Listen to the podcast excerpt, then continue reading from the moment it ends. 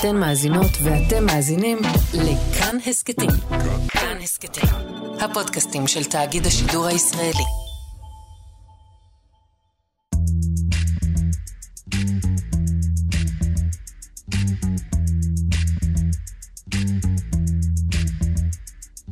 היי, אני שאול אמסטרדמסקי ואתם מקשיבים לעוד כיסון, כלומר פרק קצר ואקטואלי מבית חיות כיס. ותאמינו או לא, זה הכיסון העשירי שלנו. מזל טוב. ואחרי שאמרנו את זה, הנה שאלה. איך היה חג השבועות? נהניתם? אכלתם? שנייה, שאלה מקדימה. הצלחתם בכלל להגיע לארוחת החג? אני יודע שזו נשמעת כמו שאלה משונה, העניין הוא שלא כולם הצליחו. הנה יובל פרידמן, הוא גר עם המשפחה שלו ביישוב לפיד, זה לא רחוק ממודיעין. קוראים לי יובל, אני תסריטאי. עוד משהו? פרידמן הוא אחד התסריטאים של התוכנית היהודים באים. מכירים את המערכונים של יוסף ממצרים? כמו זה למשל. היי, היי, אחת, ובחלומי! ובחלומי! כן, הרבה יותר טוב. אז יובל פרידמן כתב את זה. פרידמן אמנם גר בלפיד, אבל הוא גדל בחיפה וההורים שלו גרים שם עד היום. את חג השבועות הם היו אמורים לחגוג יחד אצל ההורים. ביום חמישי בצהריים משפחת פרידמן נכנסה לאוטו. אבא, אמא, שלושה ילדים וגם כמה סירים של אוכל. הם התניעו, הווייז אמר שעה וחצי, הם לקחו טווח ביטחון של חצי שעה ויצאו לדרך. אחרי שעה וחצי, הם עדיין היו מאוד רחוקים מחיפה. בסביבות נתניה, כאילו קצת לפני מחלף נתניה, הוא אמר לנו לרדת מכביש כביש החוף לנתניה, לעשות שם איזה מעקף, שבסוף המעקף מחזיר אותך לכביש 2. רק הירידה מנתניה בחזרה לכביש 2 על המחלף לקחה 20 דקות. בשלב הזה הם כבר היו אחרי שעתיים נסיעה, והווייז סימן שעד חיפה נשארו עוד שעה וחצי. כלומר נסיעה של 4 שעות in all. ובשלב הזה מפלס העצבים ברכב של משפחת פרידמן לא היה, איך אני אגיד את זה בעדינות, במיטבו. עכשיו זה לא הסיטואציה עכשיו הנינוחה שאנחנו מדברים עכשיו זה אתה יודע זה אוטו שלושה ילדים לא יודע מה קורה במכוניות אחרות אצלנו היה נגיד אינטנס נקרא לזה. בשלב הזה הם החליטו שדי מספיק גדול עליהם ארבע שעות ברכב עם כל הכבוד להורים ולחג השבועות אז הם שלחו וואטסאפים מתנצלים ועשו סיבוב פרסה. הם החליטו לעצור במקום הראשון שפתוח בכל זאת ערב חג יש גבול כמה סיכונים אפשר לקחת בנסיעה אחת. אחרי שהם נרגעו, פרידמן הגיע למסקנה נחרצת לגבי החג הבא. אני, אני לא רואה את עצמי נוזל שהוא בחג לדבר הזה. יובל פרידמן הוא ממש לא היחידי שזה קרה לו. במהלך החג קראתי בטוויטר הרבה סיפורים דומים. אנשים סיפרו על מגה פקק לצפון, נסיעה של שעות ארוכות מאוד. חלק הגיעו אחרי שהארוחה כבר נגמרה, חלק לא הגיעו בכלל. טירוף מוחלט. בדרך לבני דודים שלי בצורן, שזה 30 קילומטר מהבית, נסיעה שבאופן כללי לוקחת 45 דקות, 50 דקות, ומצאתי את עצמי שעה באיילון ועוד שעה בכביש 2 ואז תקוע בכבישים המתפתלים שם של שפיים לכביש 4, האוטו פשוט לא זז, עומד במקום. העניין הוא שזה לא משהו חד פעמי שלא יחזור על עצמו, זו לא אנומליה, זה הנורמלי החדש. רמת החיים עולה, כמות המכוניות בהתאם עולה, האוכלוסייה גדלה בקצב של 2% בשנה זה עוד איזה אשקלון בשנה שמצטרפת למדינה שצריכה תשתיות של תחבורה בתי ספר ווטאבר ואז אה, הם עולים גם על הכביש. אז השבוע בכיסון שלנו האם בעתיד הקרוב הפקק יהיה כל כך ארוך שנצטרך לצאת יום לפני בשביל להגיע בזמן לארוחת החג ובכל זאת מה אפשר לעשות בשביל שזה לא יהיה המצב.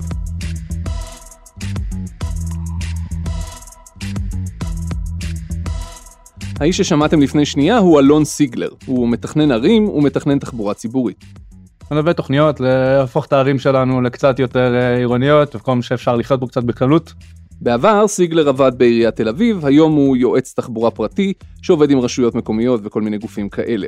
אין לו רכב פרטי בבעלותו, בשביל להגיע לארוחת החג אצל ההורים בצורן הוא שכר רכב, ואז, כשהוא מצא את עצמו תקוע בפקק שלא זז לשום מקום, הוא צייץ את הציוץ הבא. עניין של שנתיים שלוש עד שגם חילונים לא יוכלו לבקר את המשפחה בחגים. המתמטיקה פשוטה, כל שנה עולים על הכביש עוד 300 אלף רכבים, אין תחבורה ציבורית בחג, ואת כביש 2 ו-4 אי אפשר יותר להרחיב, בזמן שנתיב יכול להעביר רק אלף רכבים בשעה. בואו נפרק את זה שנייה, אוקיי? בשנת 2022 עלו על הכביש 380 אלף כלי רכב חדשים, רובם כלי רכב פרטיים, כך לפי הלשכה המרכזית לסטטיסטיקה. במקביל, בערך 250 אלף כלי רכב אחרים יצאו משימוש, כי הם uh, ישנים או נדפקו בתאונה או לא משנה הסיבה. בשורה התחתונה, בנטו, מסתובבות עכשיו על הכביש עוד 130 אלף מכוניות שלא היו שם לפני שנה. זה גידול של 3.5% לעומת השנה הקודמת, וכך בערך זה כל שנה. מספר המכוניות על הכביש גדל יותר מקצב גידול האוכלוסייה. מה עושים עם כל המכוניות האלה? אז מה שהממשלה עושה בדרך כלל זה להוסיף עוד נתיבים בכביש, מתוך מחשבה שאם יהיו עוד נתיבים אז למכוניות יהיה עוד מקום לנסוע. שזה חמוד, אבל א', יש גבול כמה נתיבים בכלל אפשר להוסיף, פיזית. גם כשנרחיב את זה, וכמה שאפשר להרחיב, כי בכביש 4 יש לו את בני ברק בצד אחד ורמת גן בצד שני, אין יותר לאן להרחיב את כביש 4. ואת כביש 2, גם, יש לו את הרצליה וכפר שמריהו בצד אחד, יש לו את נתניה ויש לו את הגדרות, ואין יותר לאן להרחיב. וב', וזה הרבה יותר חשוב, גם אם היה לאן להרחיב פיזית את הכביש, זה לא היה עוזר. כל נתיב חדש נוסף רק יתמלא במכוניות, כי בתחבורה, היצע יוצר ביקוש. יש עוד נתיב? מגניב, בוא נקנה אוטו וניסע בכביש החדש, ייי, אה, שיט, כולם עשו את זה, אוף, שוב נתקענו בפקק. אז אפשר להרחיב בעוד נתיב, לעשות עוד אה, משחק עם הדבר הזה, גם ראיתי את זה אתמול בכביש, כולם נוסעים על השוליים. אין אכיפה, אין סדר, אז כולם, איפה שיש פנוי, במכונית נכנסת, אנשים עולים עם הרכב שלהם, לפעמים אתה רואה עם ג'יפים על השבילי עפר בצד של הכביש. והכל עמוד. חלק מהבעיה היה נפתר לו הייתה תחבורה ציבורית בשבת ובחג. אנשים שהיו רוצים לא לעמוד בפקקים, היו יכולים לנסוע ברכבת, נגיד לנהריה או לנתניה, ומקסימום המשפחה הייתה אוספת אותם שנייה מהתחנה. זה עדיף על שעתיים או שלוש בפקק, לא? אז זהו שאני מאוד בעד תחבורה ציבורית בשבת ובחגים, שלא תבינו אותי לא נכון, אני חושב שזה מדהים. בכל פעם שאני נוסע לחו"ל ועולה על אוטובוס או סאבווי בשבת, אני נזכר כמה זה נהדר כשיש תחבורה ציבורית בשבת והכל עובד ואין שום בעיה. ובכלל, ישראל של 2023 היא לא ישראל של 1948. אז חיו פה פחות ממיליון אנשים, היום חיים כמעט עשרה מיליון. כשרבים מהם רוצים לטייל בסוף שבוע או בחג, הם צריכים שתהיה להם דרך לעשות את זה בלי לעמוד חצי יום בפקק. זו דעתי וזו דעתם של רבים אחרים. אבל אחרי שאמרתי את זה... לתחבורה ציבורית בשבת יש ערך, אני לא חושב שהיא ה game changer של המשבר התחבורה בישראל. ואת זה אומר בן אדם שהוא מתכנן תחבורה ציבורית, כן? לא אני. ויש לו ראייה לא רעה לטיעון שלו. אה, הרבה אנשים שאומרים שאם הייתה תחבורה ציבורית בשבת הם היו נוסעים בתחבורה ציבורית אבל לפעמים יש להם אוטובוס מהבית לעבודה והם לא משתמשים בו באמצע שבוע אז תחבורה ציבורית בשבת היא אחד מתוך מכלול דברים שגורמים לאנשים לקבל החלטה לגבי איך הם נוסעים מה, מהבית שלהם לכל מקום אחר. או במילים אחרות אפילו אם הייתה תחבורה ציבורית בשבת סביר להניח שזה לא היה השיקול היחידי שהיה גורם לאנשים אם להחליט להחזיק רכב פרטי או לא ואם להשתמש בו או לא. וזה כבר מוביל אותנו לשאלה היותר עמוקה. למה? למה אנשים מעדיפים לנסוע ברכב הפרטי שלהם אפילו כשיש להם חלופה של תחבורה ציבורית? נגיד באמצע השבוע, לא בשבת ולא בחג.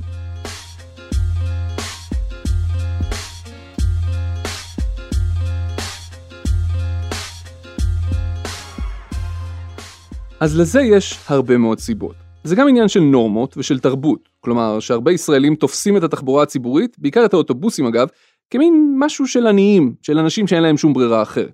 אבל זה הרבה יותר מרק נורמות. זה קם ונופל על איכות התחבורה הציבורית, זו שכן קיימת. עד כמה היא נגישה, עד כמה התדירות שלה גבוהה, עד כמה יש רשת של תחבורה ציבורית שמאפשרת להגיע יחסית מהר ממקום למקום, אפילו אם זה כרוך בהחלפה אחת או שתיים, במקום להשתרך שעה וחצי באוטובוס אחד שנוסע דרך כל השכונות של ירושלים, רק בשביל להגיע בסוף לקניון מלחה.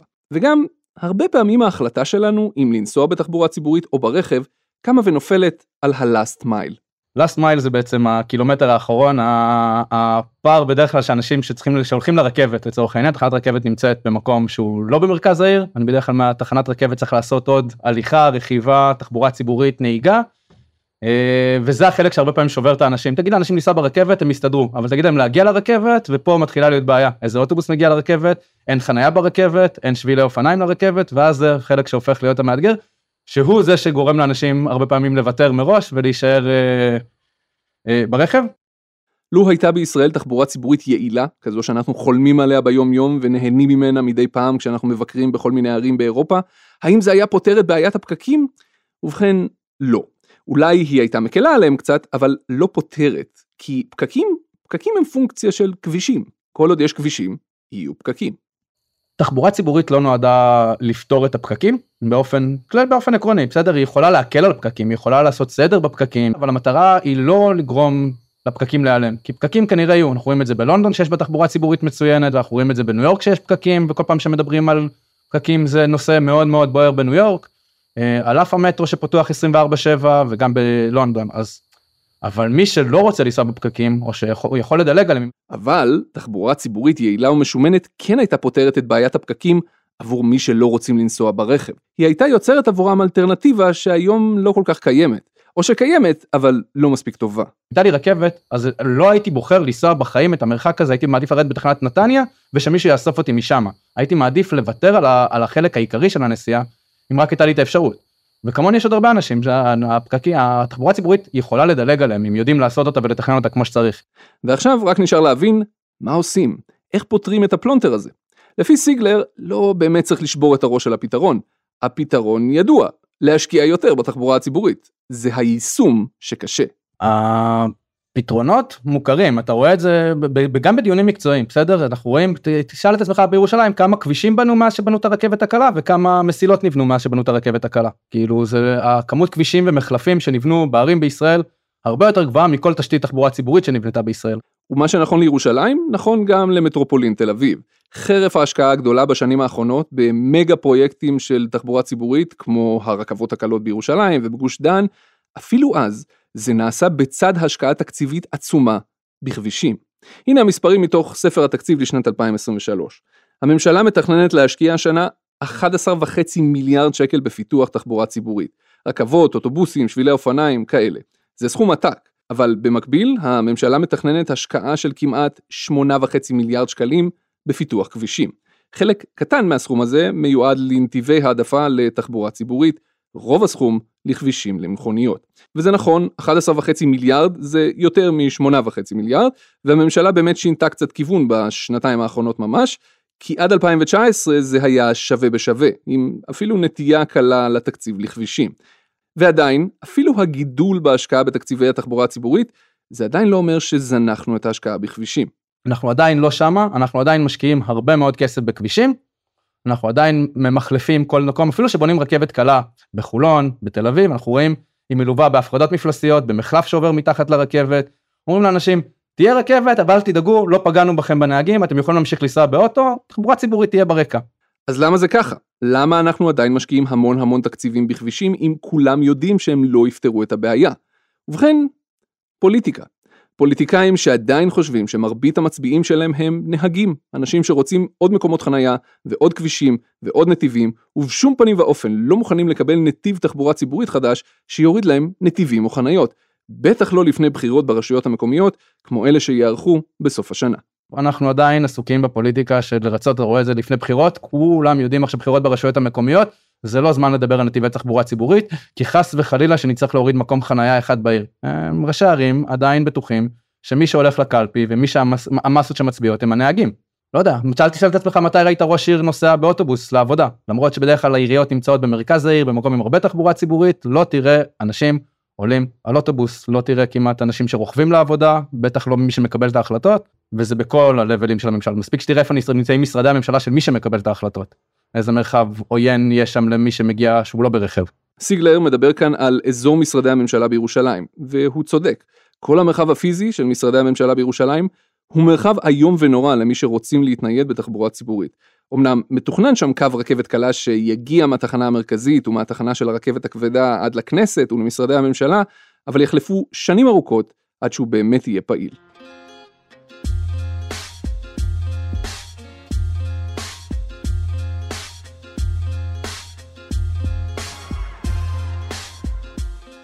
וזו השורה התחתונה והחלק שלכולם קשה לבלוע. אין אפשרות לשפר את התחבורה הציבורית בלי לפגוע בתחבורה הפרטית, לפחות בטווח הקצר. אבל אחרי זה, הביקושים יגיעו, ואנשים יעברו לתחבורה הציבורית. תראו את הרכבת הקלה בירושלים, אוקיי? יש פה קו אחד בסך הכל, והיא מפוצצת אנשים, נוסעים בה בין 150 ל-200 אלף איש ביום. וזה כשהיא רק קו אחד, כן? תחשבו מה יקרה כשהיא תהיה רשת של קווים. גם הקו האדום של הרכבת הקלה בתל אביב ובגוש דן יהיה מפוצץ אנשים, וככל שהרשת של הרכבות הקלות תגדל ותשתכלל, כך אנשים ייסעו בה יותר. יודע, אנחנו רואים את זה, רכבת ישראל מתפוצצת, אתה פותח עוד, עוד תחנה, היא מתמלאה.